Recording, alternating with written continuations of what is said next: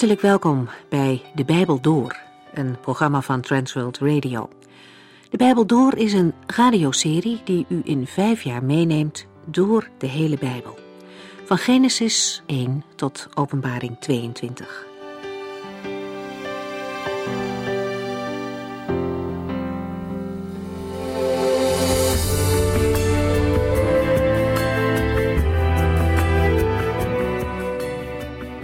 In de vorige uitzending zijn we begonnen over het Pinksterfeest.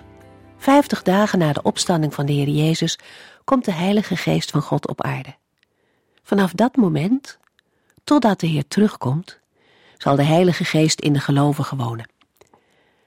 Zoals de Heer Jezus al tijdens zijn leven beloofd had, laat hij de zijnen niet achter, alleen. De komst van de Heilige Geest was een bijzondere en een opvallende gebeurtenis. Terwijl de discipelen bij elkaar waren, kwam er een geluid als van een geweldige wind, en ze zagen tongen als van vuur. Deze twee verschijnselen waren tekenen van Gods heerlijkheid, die de uitstorting van de Heilige Geest begeleidden. De vervulling met de Heilige Geest werd gevolgd door een blijvende inwoning van de Geest en dat geldt sindsdien.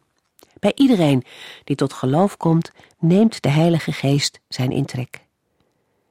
De eerste uiting van deze inwoning van de Heilige Geest was het spreken in vreemde talen. Eens liet God de mensen bij Babel verschillende talen spreken, zodat ze uit elkaar gingen. Dat was Gods oordeel over hun grootheidswaan. En hier, hier komen de mensen weer bij elkaar als ze in hun eigen taal de discipelen over Gods grote werken hoorden spreken. De talen die ze spraken waren bestaande talen, die de toehoorders dus ook konden verstaan. Pinksteren was en is een bijzondere gebeurtenis. Het is de dag dat de Heilige Geest de volgelingen van de Heer Jezus tevoorschijn riep om de gemeente, de kerk van Christus te vormen.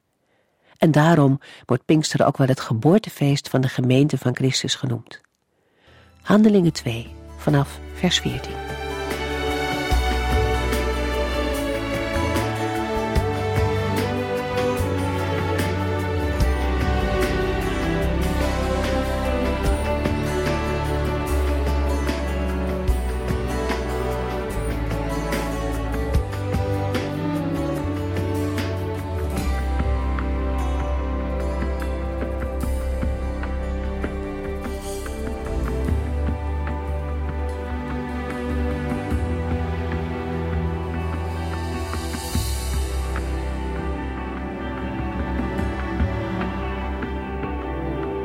In de vorige uitzending waren we getuigen van de uitstorting van de Heilige Geest.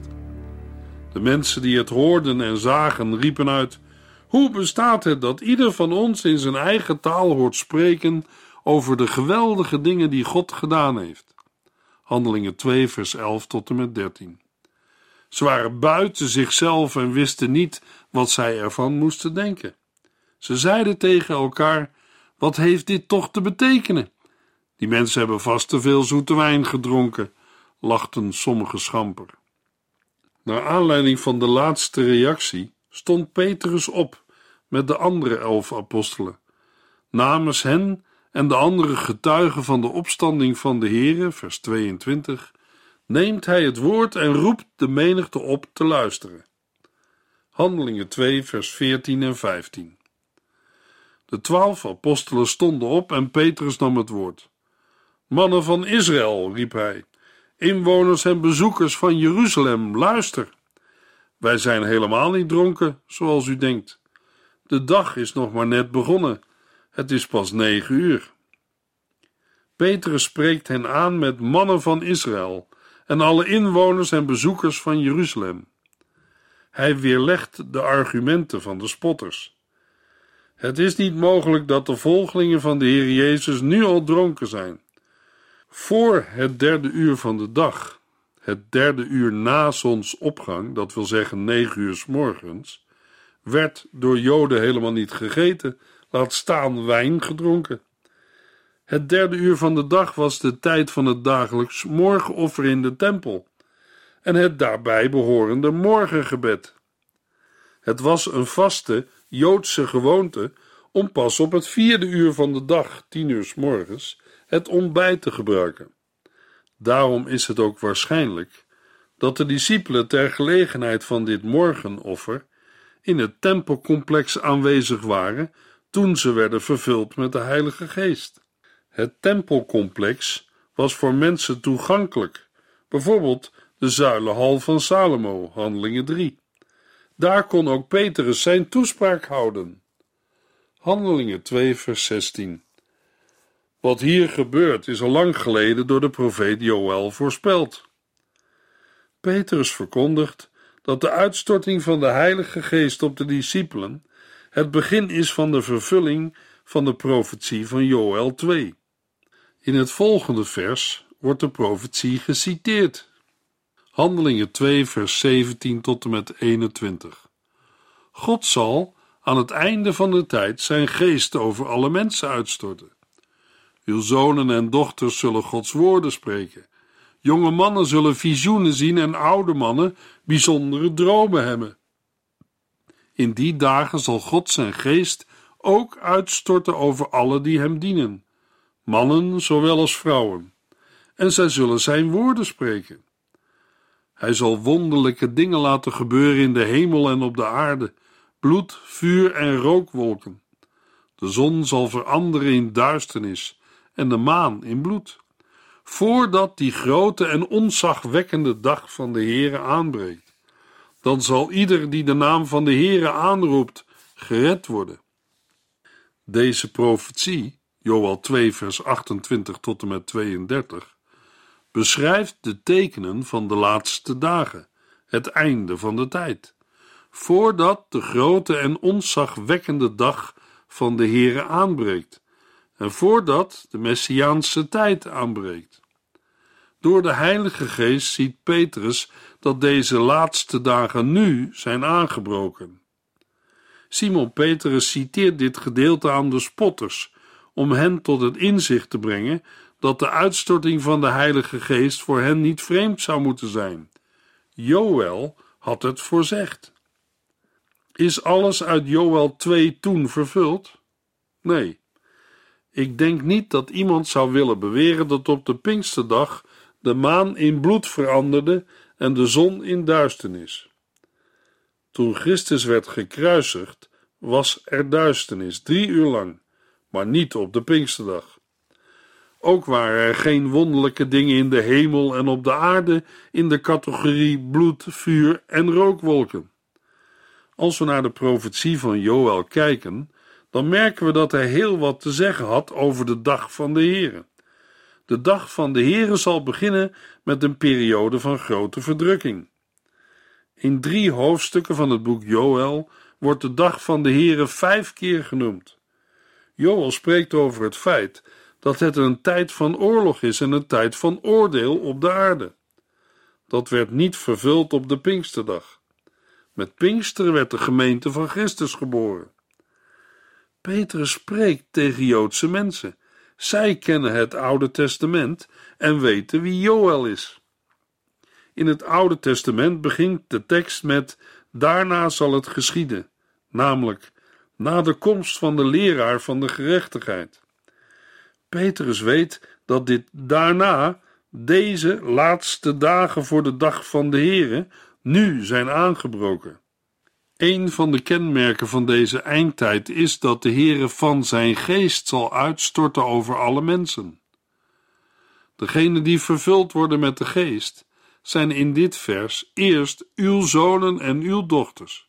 Hiermee worden door Joël niet speciaal de kinderen, maar in het algemeen de nakomelingen van Juda ten tijde van Joël bedoeld. Er zal geen onderscheid gemaakt worden tussen mannen en vrouwen. Daarna noemt Joël jonge en oude mannen, waaruit blijkt dat de vervulling met de geest geldt voor alle leeftijden. De werkingen van de Heilige Geest, zoals het profeteren, het zien van gezichten of visioenen en het dromen dromen, zijn niet voorbehouden aan verschillende leeftijdsgroepen en categorieën. De Heere openbaart zich door zijn geest, onder andere met profetie, gezichten en dromen. Deze worden gegeven zonder onderscheid van geslacht, leeftijd of status. Alle manieren waarop de Heilige Geest tot individuele gelovigen en tot de gemeente spreekt zijn belangrijk. De laatste dagen of het einde van de tijd, waarin de Heilige Geest wordt uitgestort, heeft een beslissend karakter. Nu is er nog de mogelijkheid om zich te bekeren en de naam van de Heere aan te roepen. Bovendien zijn het de dagen van de Messiaanse weeën, Matthäus 24, vers 8. De ellende die aan de komst van het Messiaanse Rijk voorafgaan. De Heere zal wonderlijke dingen laten gebeuren in de hemel en op de aarde, bloed, vuur en rookwolken. Dit laatste wordt het eerst genoemd: bloed, vuur en rookwolken. Vanuit de context van Joël moeten we daarbij denken aan het bloed vergieten in alles vernietigende oorlogen of aan oordelen van God waarbij het water in bloed wordt veranderd en goddelozen door vuur worden verteerd. Openbaring 11. Het citaat uit Joel 2 gaat verder. Tot de wonderlijke dingen die de Heer laat gebeuren, behoort een verduistering van de zon, de maan die een bloedrode kleur zal aannemen en de loop van de hemellichamen zal worden ontregeld. Deze tekenen zijn een aankondiging van de dag van de Heere, de dag van zijn oordeel over de aarde. In het Nieuwe Testament zijn deze tekenen een voorbode van de wederkomst van de Heer Jezus Christus. Hij is de Heere die zal komen om de wereld te oordelen. De grote en ontzagwekkende dag van de Heere is de dag van de wederkomst van Jezus Christus. De Heer Jezus zal met grote heerlijkheid verschijnen. De laatste woorden van het citaat uit Joel 2 vormen het hoogtepunt. Het aanroepen van de naam van de Heere. Maakt dat er redding is te midden van de ellende. Mensen mogen behouden het koninkrijk van God binnengaan. In de context van het Nieuwe Testament is de naam van de Heere de naam van de Heer Jezus Christus, die door God de Vader en tot Heere en tot Christus gezalfde Messias is gemaakt. Luisteraar, een mens moet de naam van Jezus Christus aanroepen om behouden te worden. Handelingen 4 en Romeinen 10. Het aanroepen van de naam van de Heere houdt in bekering en het met mond en hart erkennen van de heerschappij van de Heer Jezus over het persoonlijke leven. Handelingen 2, vers 22. Mannen van Israël, luister naar mij. Jezus van Nazareth is door God zelf gestuurd. De wonderen en bijzondere dingen die hij deed, zijn daar een duidelijk bewijs van. U hebt die met eigen ogen gezien. Na het citaat uit Joël begint Petrus zijn eigenlijke toespraak. Het is de eerste openbare verkondiging van het evangelie van Jezus Christus. Petrus schudt de herinnering en het geweten van zijn gehoor wakker. De toehoorders hebben de wonderen en bijzondere dingen die Jezus heeft gedaan zelf gezien. Zij hadden daaruit kunnen en moeten concluderen dat het God was die deze krachten door Jezus deed. Daarmee heeft de Heere hem, Jezus, op een bijzondere manier aangewezen. Dan gaat het hier om de aanwijzing tot Heere en tot Christus, vers 36. Voordat de feitelijke verhoging, vers 33, plaatsvond, had de Heere deze aanstelling ook kenbaar gemaakt door wonderen en bijzondere tekenen. Handelingen 2, vers 23 en 24. Maar hij is, volgens Gods plan, in handen van ongelovige mensen gevallen. U hebt hem door Romeinse soldaten aan een kruis laten slaan. God, die dit voorzag, heeft hem uit de greep van de dood bevrijd en weer levend gemaakt. De dood kon hem niet vasthouden. Het feit dat de Heer al vanaf het begin het plan had om door het verzoenend lijden en sterven van Jezus de mensheid te redden, doet niets af aan de verantwoordelijkheid van degene die hem heeft verraden en degene die hem aan de Romeinen hebben overgeleverd om gekruisigd te worden. Met u hebt hem door Romeinse soldaten aan een kruis laten slaan, klaagt Petrus zijn toehoorders aan. Zij zijn mede verantwoordelijk voor de kruisiging omdat het Sanhedrin namens het volk heeft gehandeld. Voor alle duidelijkheid, hiermee zijn evenzeer de hier niet aanwezige niet-Joden of heidenen verantwoordelijk. Zij hebben in de persoon van Pilatus het vonnis over Jezus bekrachtigd en zijn daarom net zo goed schuldig. En om nog even verder te gaan, wij ook, u, jij en ik, zijn ook verantwoordelijk. Christus stierf voor mijn zonde. Hij zegt in Johannes 10, vers 17 en 18: De Vader houdt voor mij, omdat ik mijn leven geef en het later zal terugnemen. Niemand berooft mij van het leven. Ik geef het uit eigen vrije wil. Want ik kan en mag mijn leven geven en het terugnemen. Ik doe dat omdat mijn vader dat heeft gezegd. Toch is dit niet het belangrijkste deel van zijn boodschap. Petrus zegt: God heeft hem uit de greep van de dood bevrijd en weer levend gemaakt. De dood kon hem niet vasthouden. Petrus predikt de opstanding van Jezus Christus. Dat staat in de prediking van Petrus centraal.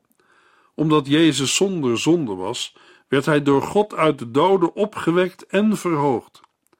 Daarmee is het bewijs geleverd dat Jezus door God en tot Here en tot Christus is aangesteld. Hij is de eerstgeborene uit de doden. De dood is door Jezus Christus verslagen en moet zich definitief onderwerpen aan zijn heerschappij. Waarom het niet mogelijk was dat Jezus door de dood werd vastgehouden, wordt nu uitgelegd. Handelingen 2, vers 25 en 26. Want David sprak over Jezus toen hij zei: Ik heb de Heer altijd voor ogen. Hij leidt mij en houdt mij overeind. Daarom is er vreugde in mijn hart en ben ik gelukkig. Zelfs mijn lichaam is veilig bij hem. Petrus citeert Psalm 16. Daarin spreekt David over zijn eigen leven. Maar in de loop van de psalm stijgen de woorden boven het leven van David uit. Daarmee wordt de psalm een profetie. David spreekt namens zijn grote nakomeling, de Messias. Christus zelf komt zo aan het woord. De geciteerde woorden geven de gemeenschap aan die er is tussen de Messias en God de Vader. Door het citaat van Petrus weten we nu ook hoe we Psalm 16 moeten lezen en begrijpen. Handelingen 2, vers 27 en 28. Here, u zult mij niet in het dodenrijk laten liggen. U zult het lichaam van uw heilige dienaar niet laten vergaan. U zult mij het leven teruggeven. Door dicht bij mij te zijn, zult u mij vreugde geven. In Psalm 16 spreekt David profetisch over de opstanding van Christus. In handelingen is het vervuld.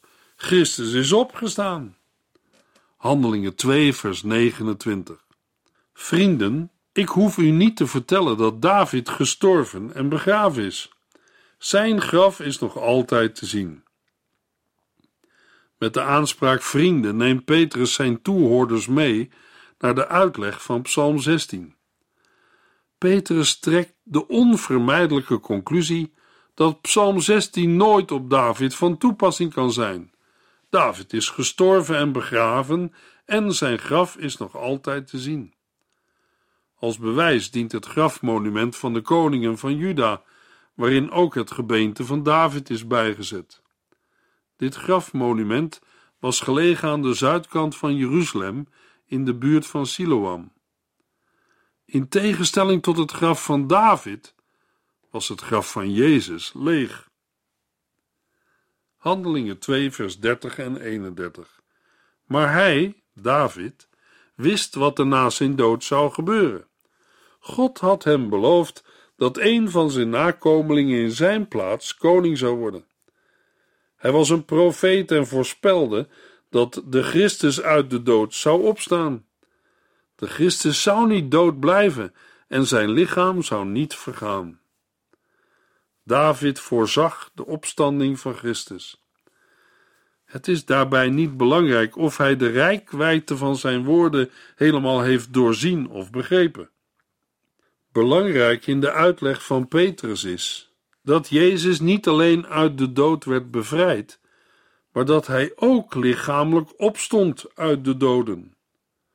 Handelingen 2, vers 32. God heeft Jezus uit de dood laten opstaan. Dat hebben wij allemaal gezien. De toehoorders hebben zeker uit Petrus' uitleg kunnen begrijpen dat de Messias, de Christus, uit de dood is opgestaan. In vers 32 noemt Petrus het bewijs, op grond waarvan Jezus de Christus is, omdat God Jezus uit de dood heeft opgewekt. Dan blijkt ook het belang van de ooggetuigen. Wij hebben dat allemaal gezien. Handelingen 2, vers 33 tot en met 35. Hij heeft hem toen de ereplaats aan zijn rechterhand gegeven. Zoals beloofd gaf God hem de Heilige Geest en Jezus heeft de Heilige Geest uitgestort. En dat ziet en hoort u nu. David is niet zelf naar de hemel gegaan en sprak dus niet over zichzelf toen hij zei: God zei tegen mijn Heere: Kom naast mij zitten aan mijn rechterhand, totdat ik uw vijanden aan u onderworpen heb. De prediking van Petrus eindigt niet bij de opwekking van Christus. De Heere die Jezus uit de doden heeft doen opstaan, heeft hem ook verhoogd en hem gezet aan zijn rechterhand in de hemel. Het bewijs van zijn verhoging is de uitstorting van de Heilige Geest op zijn volgelingen. Wie anders dan de Heer alleen heeft macht om de Heilige Geest te geven? Als Jezus met de Heilige Geest doopt, doet hij dat op grond van zijn verhoogde positie naast God aan zijn rechterhand in de hemel. De belofte van de Heilige Geest is al bekend uit het Oude Testament. Jezus ontving deze belofte uit handen van de Vader en mag de Geest uitstorten op zijn discipelen. Het ging gepaard met hoorbare en zichtbare tekenen. Ook tijdens de toespraak van Petrus hadden de toehoorders een zichtbaar en hoorbaar bewijs dat de Heilige Geest was uitgestort. Zij zagen de vrijmoedigheid van de apostelen en hadden de tongentaal gehoord. Met de ere plaats aan zijn rechterhand citeert Petrus Psalm 110. Handelingen 2, vers 36. Het hele volk van Israël moet weten dat God deze Jezus, die u gekruisigd hebt, tot Heere en Christus heeft gemaakt. Dat Jezus niet alleen de Christus, de Messias is, die uit de doden is opgewekt, maar ook de Curios, de Heer is, heeft Petrus uitgelegd aan de hand van Psalm 110, vers 1. De Messias wordt door God de Vader geplaatst aan zijn rechterhand. Dat houdt in dat hij deelneemt aan de goddelijke heerschappij. Naar Psalm 110, vers 1 wordt in het Nieuwe Testament regelmatig verwezen. Dat deze psalm niet op David zelf slaat, blijkt uit het feit dat David niet ten hemel is gevaren, maar begraven ligt. Het graf van Jezus is leeg. Handelingen 2, vers 37. Toen de mensen dit hoorden, werden ze diep in hun hart geraakt en vroegen aan Petrus en de andere apostelen: Vrienden, wat moeten wij doen? De woorden van Petrus hebben doel getroffen. De Heilige Geest heeft door middel van zijn woorden de toehoorders overtuigd van zonde. Een diep gevoel van schuld en vroeging maakt zich meester van de mensen die het hebben gehoord. Zij roepen: Wat moeten wij doen? Dat zij de apostelen aanspreken met vrienden, geeft al aan dat zij bereid waren om te gehoorzamen aan wat de apostelen zouden zeggen. Handelingen 2, vers 38 en 39. Petrus antwoordde: U moet zich bekeren tot God en u laten dopen in de naam van Jezus Christus, want dan worden uw zonden vergeven en de Heilige Geest zal in u komen wonen. Want God heeft die beloofd aan u en uw kinderen, aan ieder die door God geroepen wordt en ook aan de verre vreemde volken. Het antwoord van Petrus is eenvoudig en omvat drie elementen: bekering, doop op de naam van Jezus en de vervulling met de Heilige Geest. Bekering heeft het karakter van een beslissing. Bekering betekent eigenlijk verandering van gedachten, van gezindheid, van mentaliteit. Men moet zich bekeren van zonden, van dode werken, van de afgoden tot God en tot de Heer Jezus Christus. Dat wil zeggen, tot geloof in God en in de Heer Jezus Christus. Bekering is enerzijds een opdracht aan de mens, anderzijds wordt de oproep daartoe en de vergeving van de zonde door God geschonken. De tweede stap is de doop op de naam van Jezus Christus, die vergeving van zonde met zich brengt. Samenhangend met de bekering en de doop in water zullen de gelovigen ook de doop met de Heilige Geest ontvangen. De Heilige Geest zal in u komen wonen. Aan ieder die door God geroepen wordt, wijst enerzijds naar het heil van God voor hen die de naam van de Heer aanroepen, vers 21. Anderzijds gaat het initiatief tot de verlossing als eerste van de Heer uit. Als de Heer niet roept, kan er van onze kant geen horen zijn.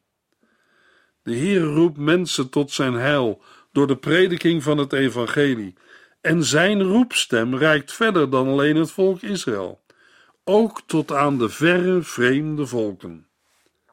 Handelingen 2, vers 40 tot en met 47. Petrus hield een lange toespraak en deed tenslotte een dringend beroep op hen. Zorg dat u bevrijd wordt van de slechte invloed van deze wereld. De mensen die aannamen wat hij zei, werden gedoopt. Op die ene dag waren dat ongeveer 3000 personen. Zij bleven trouw aan wat de apostelen hun leerden en gingen als één grote familie met elkaar om. Ze kwamen vaak samen voor de maaltijd van de Heer en voor gebed. Iedereen was vol ontzag voor de wonderen en tekenen die de apostelen deden. De gelovigen deelden ook alles met elkaar. Zij verkochten hun huizen en andere eigendommen en het geld gaven zij aan mensen die het nodig hadden. Elke dag kwamen ze in de tempel bijeen en waren één van hart en ziel. Ze aten bij elkaar thuis, blij en onbezorgd. Ze prezen God en het hele volk was hun goed gezind. En God zorgde dat er elke dag weer nieuwe mensen bijkwamen die gered werden. In de volgende uitzending lezen we Handelingen 3.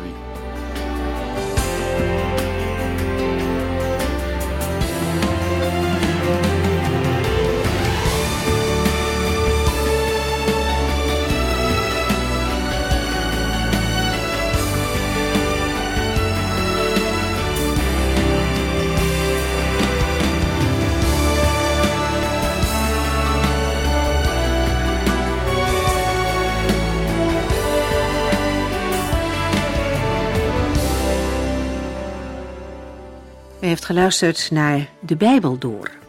In het Nederlands vertaald en bewerkt door Transworld Radio. Een programma waarin we in vijf jaar tijd de hele Bijbel doorgaan. Als u wilt reageren op deze uitzending of u heeft vragen, dan kunt u contact met ons opnemen. Tijdens kantooruren kunt u bellen op 0342 47 8432. 0342 47 8432. 32. Ook kunt u een e-mail sturen naar de Bijbel door transworldradio.nl en natuurlijk kunt u ook via de post ons bereiken.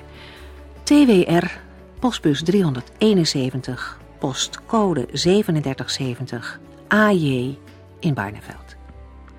Dit programma werd gepresenteerd door Cor Weda en Ike André. Techniek was in handen van Odin van Woerdekom. En wij allemaal bedanken u voor het luisteren. Graag tot de volgende keer.